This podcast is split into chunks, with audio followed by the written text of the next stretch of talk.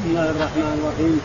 الحمد لله رب العالمين وصلى الله على نبينا محمد وعلى آله وصحبه أجمعين. يقول الإمام الحافظ أبو عبد الله البخاري رحمه الله في صحيحه ونحن لا نزال في حقوق الشركات وقسمة الشركات وإذا تخاصم الناس الشركات كيف يعملون إلى آخره؟ يقول رحمه الله باب باب شركة اليتيم وأهل الميراث. المشاركة مع اليتيم سواء كان انثى أو ذكر. اليتيم له مال خلفه أبوه وعمه يريد أن يأكل هذا المال. وقد ذكر تعالى وتقدس الذين يأكلون أموال اليتامى ظلما إنما يأكلون في بطونهم نارا ويصلون سعيرا. تجد عمه مثلا يستولي على مال اليتيم ينفق عليه ما عليه لكن ياخذ المال يستحفظه لنفسه ولأولاده شيء من هذا. يقول البخاري رحمه الله نعم. حدثنا عبد العزيز بن عبد الله حدثنا عبد العزيز بن بن يحيى. بن يحيى. الويسي الويسي قال حدثنا إبراهيم بن سعد. إبراهيم بن سعد.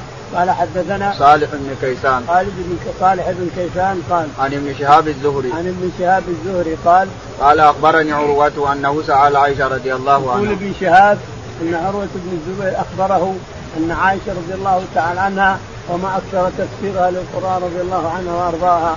تعلمت من الرسول عليه الصلاة والسلام. تقول عروة ان عائشة رضي الله ثم تعالى عنها. ثم جاب بالتعليق نعم. ثم جاب بسند آخر بالتعليق ثم أتى الحديث الآية بسند آخر. فقال نعم. وقال الليث حدثني يونس. قال الليل حدثنا يونس. قال عن, عن ابن شهاب. عن ابن شهاب قال قال أخبرني عروة بن الزبير. يقول أخبرني عروة بن الزبير عن عائشة رضي الله تعالى عنها نعم. عن قوله تعالى وإن خفتم الا تقسطوا في اليتامى. عن قول عن تفسير قوله تعالى وإن خفتم الا تقسطوا في اليتامى تنكحوا ما طاب لكم من النساء اثنى وثلاثة ورباع. يعني إذا الصحابة رضي الله تعالى إذا كان عنده يتيمة يعجبه مالها يعجبها المال والجمال. يحتضنها ولا يزوجها أحد غيره. يعني هو الذي يبي يتزوجها. ونهى الرب تعالى وتقدس نهانا ربنا عن مثل هذا. يعني يتيمتك بنت أخوك أو بنت عمك أو غير من هذا.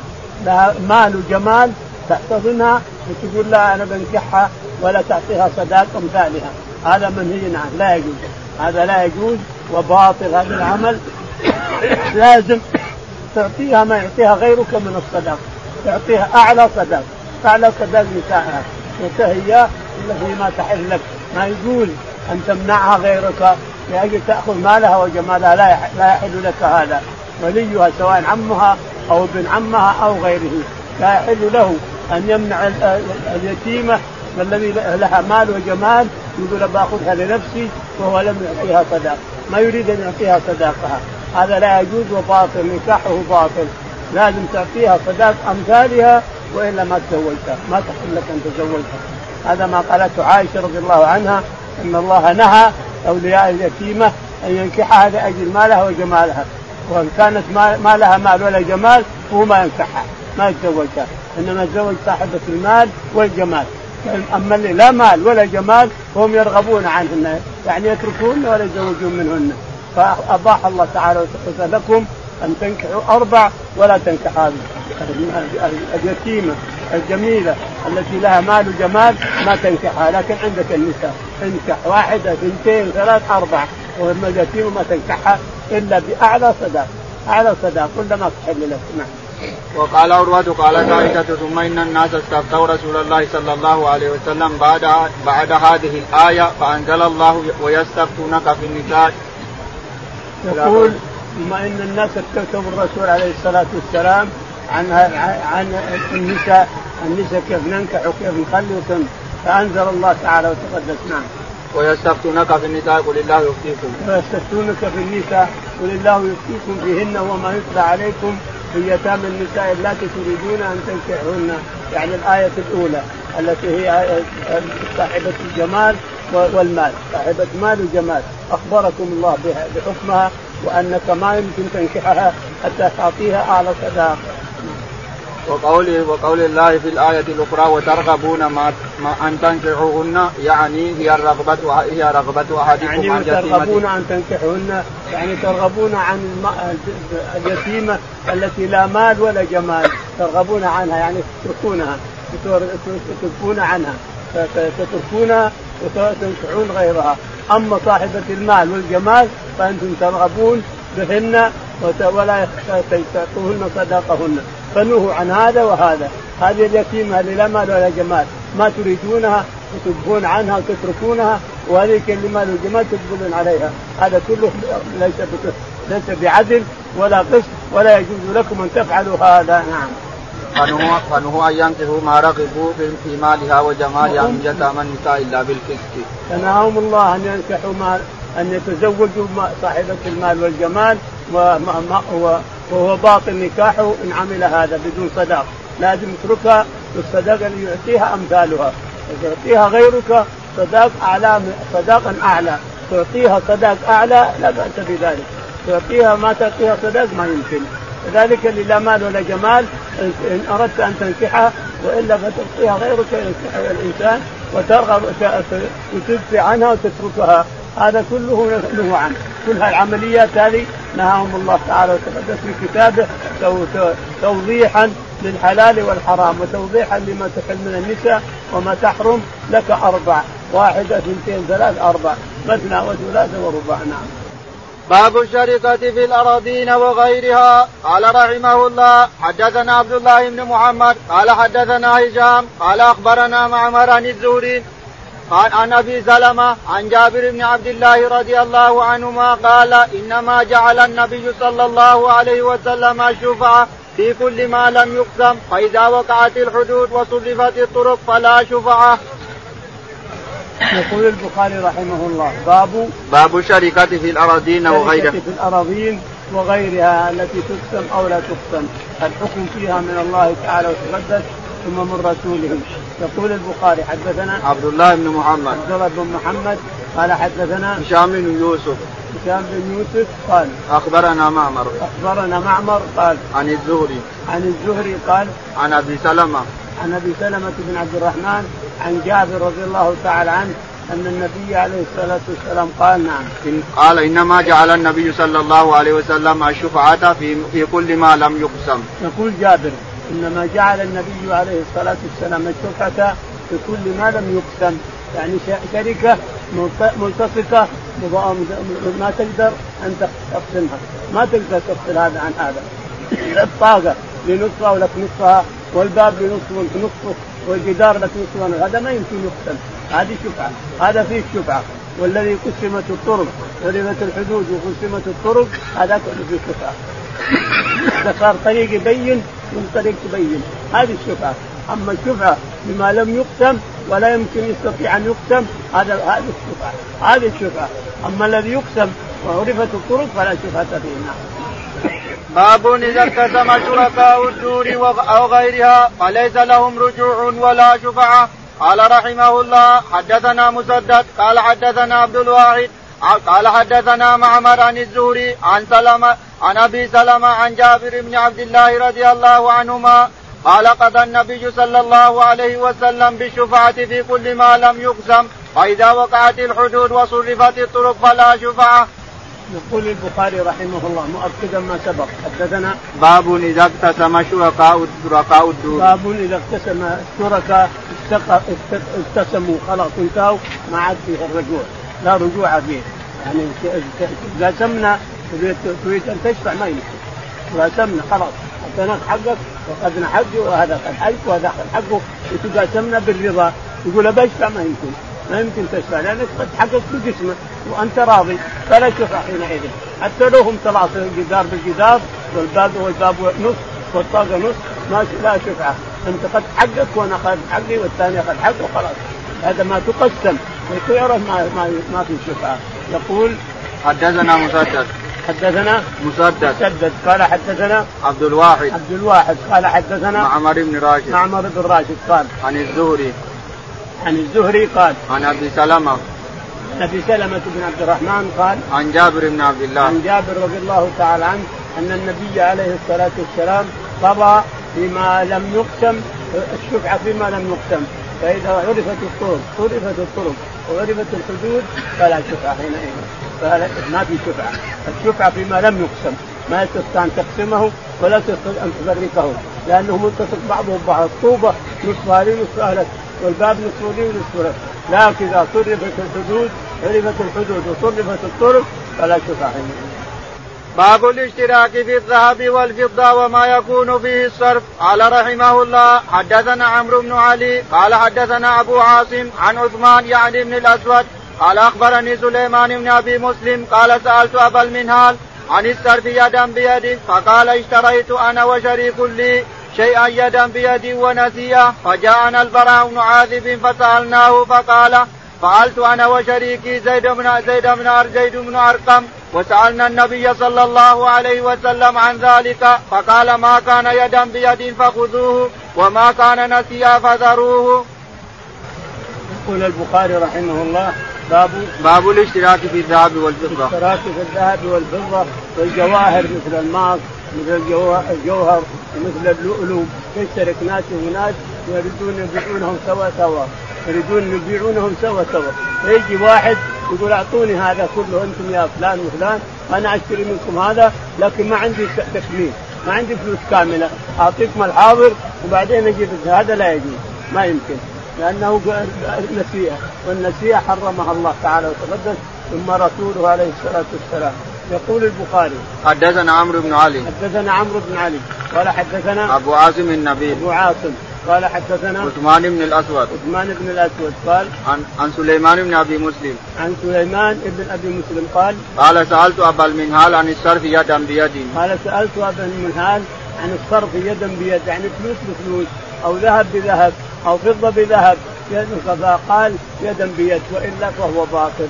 حتى لو ذهب بفضة أو فضة بذهب أو مثلا فلا بد يد بيد. أما إذا كان ذهب بذهب أو فضة بفضة فلازم من التماثل أيضا ويكون يد بيد يعني يزيد شرط يزيد شرط. إذا كان ذهب بذهب فلازم من التماثل لأن اللسان الميزان ما يروح هنا ولا هنا. متماثل هذا كفه هذا كفه واقف والفضة كذلك. إذا كان فضة بفضة أو ذهب بذهب لا يمكن إلا بشرطين.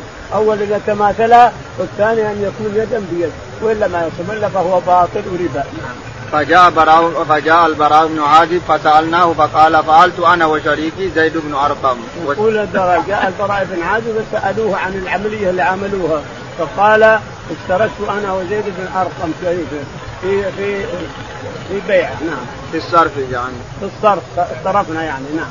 وسألنا النبي صلى الله عليه وسلم عن ذلك فقال ما كان يدا بيد فخذوه وما كان نسيا فذروه. يقول فسألنا النبي عليه الصلاة والسلام عن الذهب يعني بالفضة، الذهب بالفضة لا بأس كون تزيد أو تنقص لا بأس، لكن لازم من يد بيد، لازم ان تعطيني وأعطيك، تعطيني الذهب وأعطيك الفضة ولا فهو ربا، لا يجوز، يقول سألنا النبي عليه الصلاة والسلام عن ذلك فقال إذا كان يدا بيد، لا بأس به إذا كان يدا بيد، والتفاضل جائز. باب مشاركة الذمي والمشركين في المزارعة قال رحمه الله حدثنا موسى بن إسماعيل قال حدثنا جويرية بن أسماء عن نافع عن عبد الله رضي الله عنه قال أعطى رسول الله صلى الله عليه وسلم خيبر اليهود أن يعملوها ويزرعوها ولهم شطر ما يخرج منها. يقول البخاري رحمه الله باب المشاركة في المزارعة والمساقات وغيرها ثم جاء بقصة خيبر وهي الأصل. قصة خيبر مع الرسول مع اليهود هي الأصل لأنه ساقاهم على النقر وزارعهم على الحبوب يزرعونها. يقول البخاري رحمه الله نعم. باب مشاركة الذمي والمشركين. باب مشاركة الذمي يعني اليهود والنصارى والمشرك أيضا. يجوز أن تشاركه الإنسان في سقاية أو في حبوب أو شيء من هذا. ثم قال حدثنا موسى بن إسماعيل. حدثنا موسى بن إسماعيل قال حدثنا جويرية بن أسماء جويرية بن أسماء قال عن نافع عن نافع عن ابن عمر رضي الله عنهما قال أعطى رسول الله صلى الله عليه وسلم خيبر اليهود أن يعملوها ويزرعوها ولهم شطر ما يخرج منها. هاجر الرسول عليه الصلاة والسلام وساقاهم آه، لما فتح خيبر عليه الصلاة والسلام وأراد إجلاءهم قالوا يا محمد أبقنا هنا نزرع لكم ونسقي لكم ونخدمكم في أراضيكم وفي لنا الثمره لكم نصفها ولنا نصفها؟ لنا النصف اجره لعملنا ولكم النصف أنتم لأموالكم. فرضي عليه الصلاة والسلام وأبقاهم على ذلك. أن يعملوا في خيبر يسوون السقاية ويصلحون التمر يصلحون الحبوب ثم نصف لهم ونصف للرسول والصحابة رضي الله عنهم. وهذا أصل المساقات والمزارعة. أصل المساقات والمزارعة مع المشركين أو مع أهل الذمة الكتابين وهذه القصة قصة خيبر باب قسمة الغنم والعدل فيها. قال رحمه الله حدثنا قتيبة بن سعيد قال حدثنا الليث عن يزيد بن أبي حبيب عن أبي الخير عن عقبة بن عامر رضي الله عنه أن رسول الله صلى الله عليه وسلم أعطاه غنما يقسمها على صح على صحابته ضحايا. فبقي عتود فذكره لرسول الله صلى الله عليه وسلم فقال ضح به أنت. يقول البخاري رحمه الله باب قسمة الغنم. حدثنا والعدل فيها. والعدل فيها يعني يقسمها ويعدل فيها. يعطي هذا شاة يعطي هذا شاة يعطي هذا شاة ولا يحيف ما يعطي أقاربه أكثر مما يعطي غيرهم. لازم أبوك تعطي مثل ما تعطي الأجنبي كل واحد. تعطي هذا طلي وهذا طلي وهذا طلي.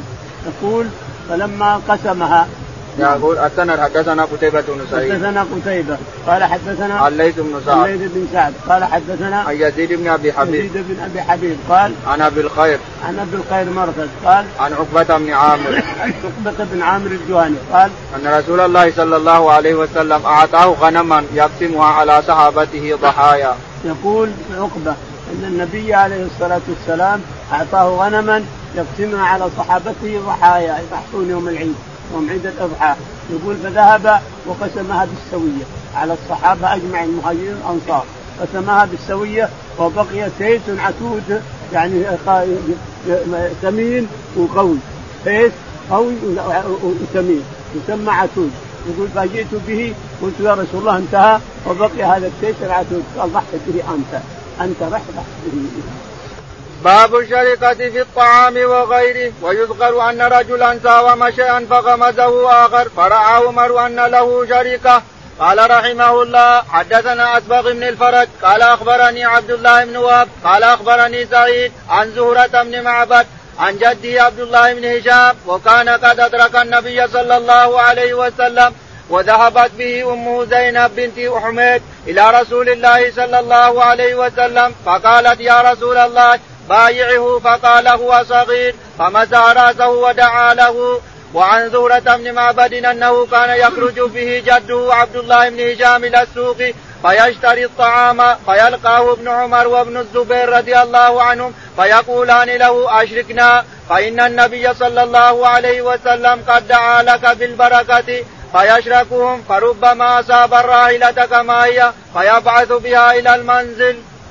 يقول البخاري رحمه الله باب الشركة باب الشركة في الطعام وغيره. الطعام وغيره. حدثنا ويذكر أن رجلا ساوم شيئا فغمزه آخر. يذكر أن رجلا ساوم آخر. رجل يساوم عندك ناقه مثلا أو سيارة أو غنمة أو شيء من هذا فتريد تشتريها منه. يا فلان كم تبيع الغنمة هذه؟ كم تبيع البعير الجمل هذا؟ كم تبيع السيارة هذه يا فلان؟ كم فغمزه واحد. غمزه قال فراى عمر رضي الله عنه أن الغمز هذا يقوم مقام الكلام وأنه شريك لك. هذا اللي غمزك شريك لك إذا اشتريت هذا الشيء فأنت وياه شركاء. هذا ما رأى عمر رضي الله تعالى عنه. يقول الغمز هذا كونه غمزك يقوم مقام الكلام. يقوم مقام كل يا فلان اشركني يقوم مقامه. فالشاهد أنهم شركاء إذا ما اشترى شيء وربح فهم شركاء هو الرجل اللي غمزه. إلى آخره. نعم. يقول السند حدثنا أصبغ بن الفرج. حدثنا أصبغ بن الفرج أحد أئمة المالكية. قال حدثنا عبد الله بن وهب. عبد الله بن وهب. قال حدثنا عن سعيد.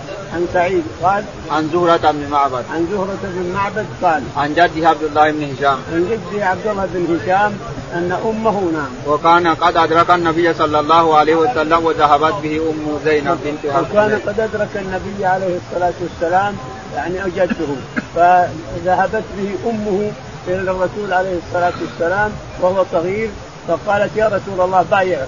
قال هذا صغير ولكن برك عليه. مسح على رأسه ودعا له بالبركة. وكان كلما خرج إلى السوق يبيع يشتري يلقاه ابن عمر بن الزبير يقول أنا اشركنا أشركنا. لأن الرسول دعا له بالبركة. ما يشتري شيء إلا يربح ما يشتري حاجة إلا يربح. لأن بدعاء الرسول عليه الصلاة والسلام نعم. وابن الزبير رضي الله عنه فيقولان لو أشركنا فإن النبي صلى الله عليه وسلم قد دعا لك بالبركة فيشركون فربما أصاب الراحلة كما هي فيبعث فربما أصاب الراحلة كما هي. يعني أصاب الراحلة. الراحلة أحيانا تكون محملة وأحيانا تكون مشروكة لغيرك. وأحيانا تكون فيقول هنا أصاب الراحلة يعني ربح راحلة كاملة. ربما يكون عليها حمولة ربما يكون عليها شيء. فيذهب يرسلها إلى بيته ثم يقسمها بينه وبين ابن الزبير وابن عمر رضي الله عنهم أجمعين. اثلاثا لأنهم طلبوا الشركة فاشركهم باب الشركة في الرقيق. قال رحمه الله حدثنا مسدد. قال حدثنا جويرية بن أسماء عن نافع عن ابن عمر رضي الله عنهما عن النبي صلى الله عليه وسلم قال من اعتق شركا له في مملوك وجب عليه أن يعتق كله إن كان له مال قدر ثمنه يقام يقام قيمة عدل ويعطى شركاؤه حصتهم ويخلى سبيل المعتق. يقول البخاري رحمه الله باب الشركة في العبد. يقول رحمه الله حدثنا مسدد. مسدد قال حدثنا جويرية بن أسماء. جويرية بن أسماء قال عن نافع عن ابن عمر. عن نافع عن ابن عمر أن النبي عليه الصلاة والسلام قال من أعتق شركا في عبد عتق عليه إذا كان ملك إذا كان غني عتق عليه العبد كله ليش؟ لأنك غني عندك مال وانت تصدقت في حصتك ووضعتها إلى الله تعالى وتقدس فيقوم العبد بعشرة آلاف أو عشرين ألف مثلا ثم حصتك منه انت أنتم ثلاثة يشترك أنتم ثلاثة حصتك ثلثها مثلا ثلثها تسقط وتضمن حق الاثنين اللي معك. حقهم من العشرين ألف تضمنه أنت الإنسان والعبد يعتق خلاص. يعتق لأنك غني. ما دمت غني فإنها تسعى السراية الحرية تسعى ويعتق العبد خلاص. وأنت تضمن حقوق الاثنين يقوم هذا العبد بعشرة آلاف ثم أنت حصتك مثلا ثلاثة آلاف ونصف وهم على ثلاثة ثلاثة يصير تضمن ستة آلاف ونصف أو سبعة آلاف بشركاء الاثنين إلى آخره. والعبد يعتق خلاص ما عاد لهم ما عاد لهم أمل فيه انتهى. نعم.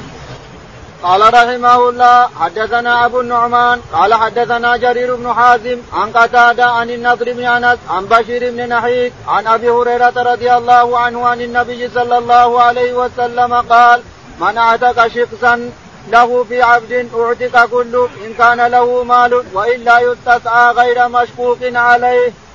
يقول البخاري رحمه الله حدثنا أبو النعمان. أبو النعمان عارم محمد بن فضل السدوسي. قال حدثنا جرير بن حازم. جرير بن حازم. قال حدثنا عن قتادة. عن قتادة بن دعامة. قال عن النضر بن أنس. عن النضر بن أنس. قال عن بشير بن نهيك. عن بشير بن نهيك. قال عن أبي هريرة رضي الله عنه. ابي هريرة رضي الله تعالى عنه. أن النبي عليه الصلاة والسلام قال من أشرك شخصا له في عبد سعى العتق سعى العتق في جميعه. إن كان غني سعى العتق في في الحال في حالنا الآن. سعى العتق في جميعه وضمن حقوق أصحابه. إن كان واحد أو اثنين أو غيرهم. إن كان واحد ضمن النص لأنه أعتق النص وضمن النص لشريكه. يعطيه يعطيه قيمته. يقوم العبد يقول العبد 10000 نصفه 5000 عتق و5000 يعطيها شريكه ويعتق العبد خلاص ما أحد عليه كلام. إلى الآن. فإن كان ما هو ما هو غني فقير فإنه يطلب منه الاستسعاء يعني يطلب منه العمل تعمل الإنسان تاجر نفسك أو تشتغل أو تعمل حتى تحصل قيمة شركاء فيعتق العبد حينئذ. حصل قيمة الشركاء حصة الشركاء تعطيهم إياها ثم يعتق العبد خلاص. العبد يعتق في الحال.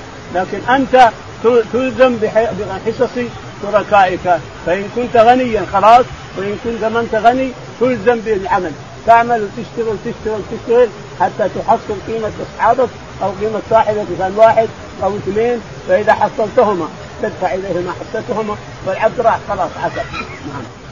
باب الاشتراك في الهدي والبدن. وإذا أشرك الرجل الرجل في هديه بعدما اهدى قال رحمه الله حدثنا أبو النعمان قال حدثنا حماد بن زيد قال أخبرنا مالك قال قال أخبرنا عبد الملك بن جريج عن عطاء عن جابر وعن طاووس عن ابن عباس رضي الله عنهم قال قدم النبي صلى الله عليه وسلم صبح رابعة من ذي الهجة مهلين بالحج لا يخلطهم شيء. فلما قدمنا أمرنا فجعلناها فجعلناها عمرة وأن, وأن نحل إلى نسائنا. ففشت في ذلك القال. قال عطاء فقال جابر فيروه أحدنا إلى منى وذكره يقطر منيا. فقال جابر بكفه. فبلغ ذلك النبي صلى الله عليه وسلم فقام خطيبا. فقال بلغني أن أقواما يقولون كذا وكذا. والله لأنا أبر وأتقى لله منهم ولو أني استقبلت من أمري ما استدبرت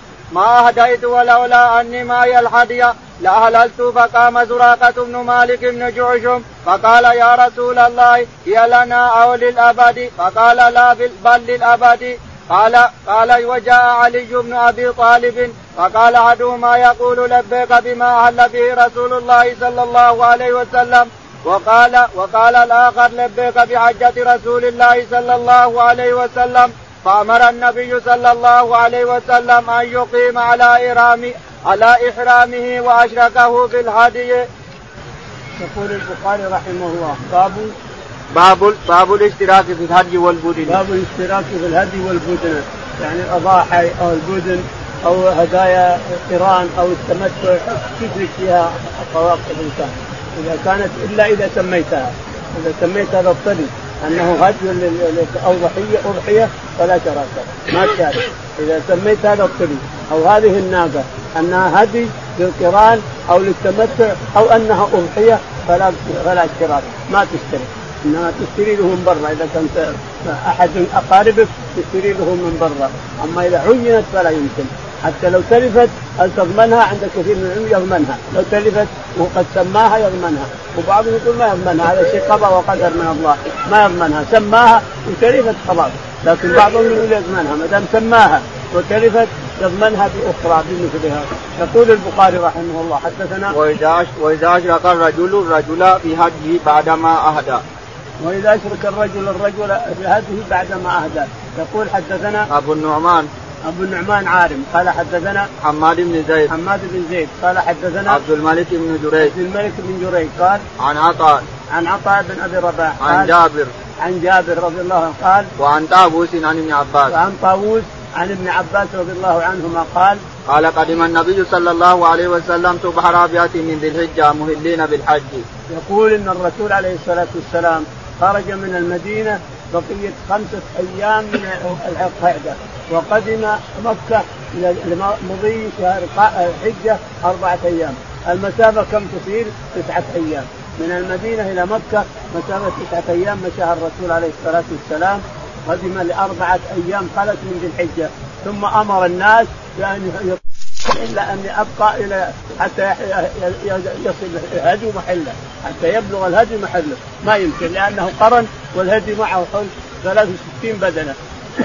وجاء علي ب 27 بدنة تم الهدي مع الرسول عليه الصلاة والسلام وعلي 100 بدنة. فنحر عليه الصلاة والسلام 63 بدنة ونحى علي 70 فكانت المئة كلها. فالشاهد أن الرسول عليه الصلاة والسلام قال لهم هكذا فقام سراقة. ابن مالك بن جعشم هو الذي اعترض الرسول يوم هاجر. لما هاجر الرسول هو أبو بكر الرسول عليه الصلاة والسلام. لما هاجر من مكة إلى المدينة اعترضه في الصحراء هناك عند ركبة مكان ركبة طريق المدينة. اعترضه مالك سراقة بن مالك بن جعشم فخسفت قوائم ناقته مرتين. قرسوا مرتين. ثم بعد ذلك قال يا محمد أعطني عهد فوالله لا أحاربك أنا ولا أسعى مع من يحاربك. اعطني ورقة. فأعطاه ورقة. ورقة أمان وسراقة. فصار سراقة بن مالك كل من جاء يريد الرسول قال ما هو ما الطريق هذا ما هو فيه. والذي صار يحارب من من يريد أن يلحق الرسول أو شيء من هذا. حتى جاء يوم الفتح. فجاءه سراقة فقال يا رسول الله خذ. قال يوم وفى وبر يوم وفى وبر. سراقة أعطاه الورق اللي أعطاه إياه يوم الهجرة؟ قال يوم وفى وبر يوم وفى وبر يوم وفى وبر يا سراقه إلى آخره. الشاهد أن الرسول عليه الصلاة والسلام أمرهم بالحل فحلوا. نعم. فقال سراقه فقال لنا يا رسول الله قال للأبد العمرة هذه التمتع هذا لنا يا رسول الله أم للأبد؟ قال لأبد الأبد. العمرة باقية التمتع بالعمرة إلى يوم القيامة لأبد الأبد. نعم. فقال الرسول عليه وقال جاء علي وهي أفضل عند الإمام أحمد. اذا أردت الإنسان أن تحرم بحج احرمت حج أفضل أن تحرم بالتمتع لأن الرسول ندم أن لا يكون تمتع. الأفضل أن تمتع نعم. قال وجاء علي بن أبي طالب طالب فقال أحدهما يقول لبيك بما أهل به رسول الله جاء علي رضي الله تعالى عنه بإبل من من اليمن 37 ناقة. فاختلف في تلبيته هل قال أهل بما أهل الرسول أو أن حج حجتي كحجة الرسول كله واحد. الشاهد لما وصل إلى الرسول عليه الصلاة والسلام أمره أن يبقى كما هو لأن معه الهدي. أمره أن يبقى كما هو إلى يوم النحر. وأشركه في الهدي. وأشركه في الهدي. أصله هو جايب من الهدي معه علي. 37 ناقة جايبها من اليمن. للرسول يعني من الصدقات. فأشركه عليه السلام صارت المئة للرسول كلها. فأشرك عليا ب 37 بدلا. باب من عدل عشرا من الغنم بجزور في القسم. قال حدثنا محمد قال أخبرنا وكي قال حدثنا سفيان عن أبيه عن عباية بن رفاعة عن جده رافع بن خديج رضي الله عنه قال كنا مع النبي صلى الله عليه وسلم بذي الحليفة من تهامه فأصبنا غنما وإبلا فجعل القوم فأغلوا بها القدور فأغلوا بها القدور فجاء رسول الله صلى الله عليه وسلم فأمر بها فاكفئت ثم عدل عشرا من الغنم بجزور ثم إن بعيرا ند وليس في القوم إلا خيل إلا خيل يسيرة. فرماه فرماه رجل فحبسه بسهم فقال رسول الله صلى الله عليه وسلم إن لهذه البهائم اوابد كاوابد الوحش فما غلبكم منها فاصنعوا به هكذا. قال قال جد قال قال جدي يا رسول الله إنا نرجو أن أو نخاف أن نلقى أن نلقى العدو غدا وليس معنا مدين فنذبه بالقصب فقال أجل أو أرني ما أنهر الدم وذكر اسم الله عليه فكلوا ليس السن والظفر وسأحدثكم عن ذلك أما السن فعزم وأما الظفر فمدي الحبشة. يقول البخاري رحمه الله حدثنا حدثنا محمد بن محمد بن سلام. محمد بن سلام البيكندي. قال حدثنا وكيع بن الجراح. وكيع بن الجراح. قال حدثنا سفيان الثوري. سفيان الثوري قال عن أبي سعيد. عن أبي سعيد بن مسروق الثوري قال عن عباية بن رفاعة. عن عباية بن رفاعة بن رافع بن خديج. قال عن جده رافع بن خديج. عن جده رافع بن خديج رضي الله عنه قال قال كنا مع النبي صلى الله عليه وسلم بذي الحليفة من تهامة. نقول كنا مع النبي عليه الصلاة والسلام بذي الحليفة من تهامة. ذي الحليفة ليست من تهامة لأنها الموقف هو هي الميقات لأهل المدينة.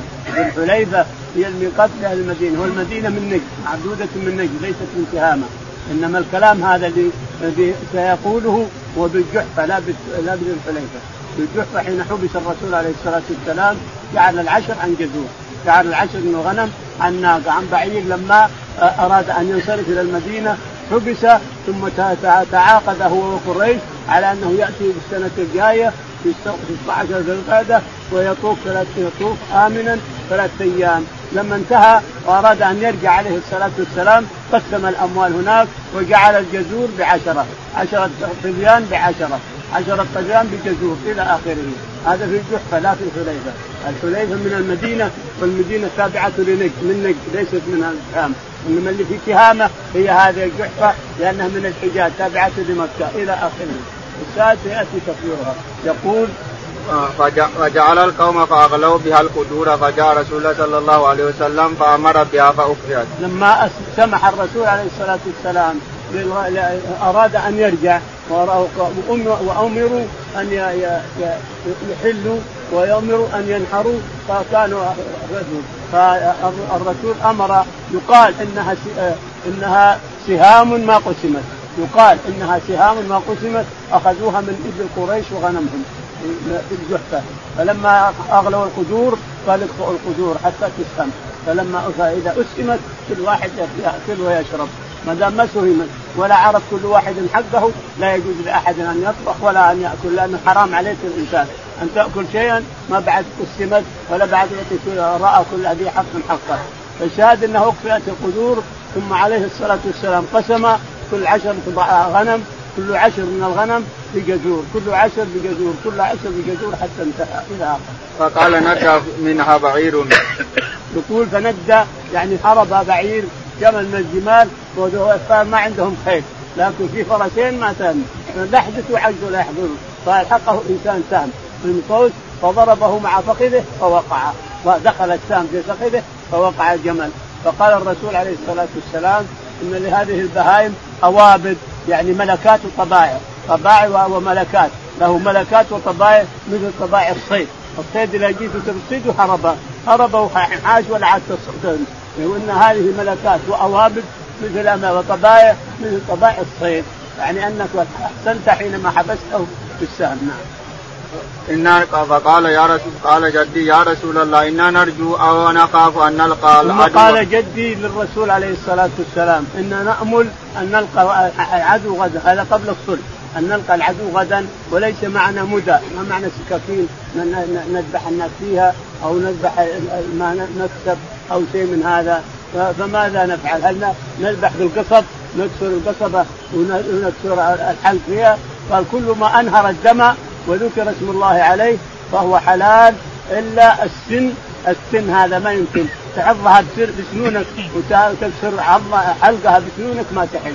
أو الظفر فإنه مدى الحبشة. الحبشه يتركون الاوائل الكفار يتركون ظهورهم حتى تصير مثل الدبابيس يخلقون فيها غنم يخلقون فيها الدجاج يخلقون فيها إلى هي المدى هي مداهم. يعني هي سكينهم فهذين العظم. ومدى الحبشة لا يجوز لا يحل الذبح فيها. وما عدا كل ما أنهر. لو تأخذ عود تكسر وتنحر فيه خلاص كفى ما أنهر الدم يعني أخرج الدم وذكر اسم الله عليه فهو حلال. نعم.